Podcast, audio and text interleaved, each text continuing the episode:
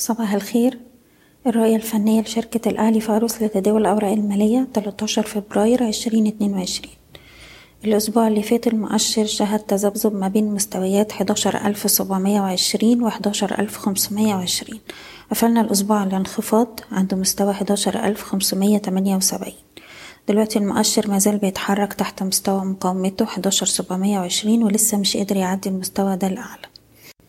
وبالتالي طول ما إحنا تحت المستوى ده بنركز على مستويات الدعم وهي 11520 ده له الأسبوع اللي فات ويليه مستوى الدعم الأهم والأقوى عند 11420 وده اللي بتاع الشهر اللي فات.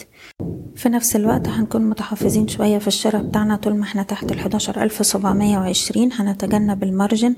هنختار الأسهم بتاعتنا بعناية شديدة وهنحط مستوى حماية الأرباح أو إيقاف الخسائر لأقرب مستوى دعم. بالنسبة لكل سهم على حدة وده لحد ما تظهر لنا قوة شرائية واضحة ومستمرة. بالنسبة للسهم التجاري الدولي برضو إحنا بنركز على مستوى الخمسين جنيه مستوى الدعم الهام. بنحتفظ بالسهم طول ما إحنا فوق المستوى ده وأقرب مستوى مقاومة هيكون عند الاتنين وخمسين تلاتين. بالنسبة للقبضة الكويتية إحنا عندنا دعم هام عند دولار تمانية وتلاتين. طول ما إحنا فوق المستوى ده عندنا دولار اتنين وأربعين ثم الدولار خمسة وأربعين. أخيرا المجموعة المالية هرمس بنرفع مستوى حماية الأرباح بتاعنا لستاشر جنيه وتسعين قرش. طول ما إحنا فوق المستوى ده بنحتفظ بالسهم. وهيكون عندنا مقاومات عند سبعتاشر تمانين وتمنتاشر جنيه وتمانين قرش. بشكركم بتمنى لكم التوفيق.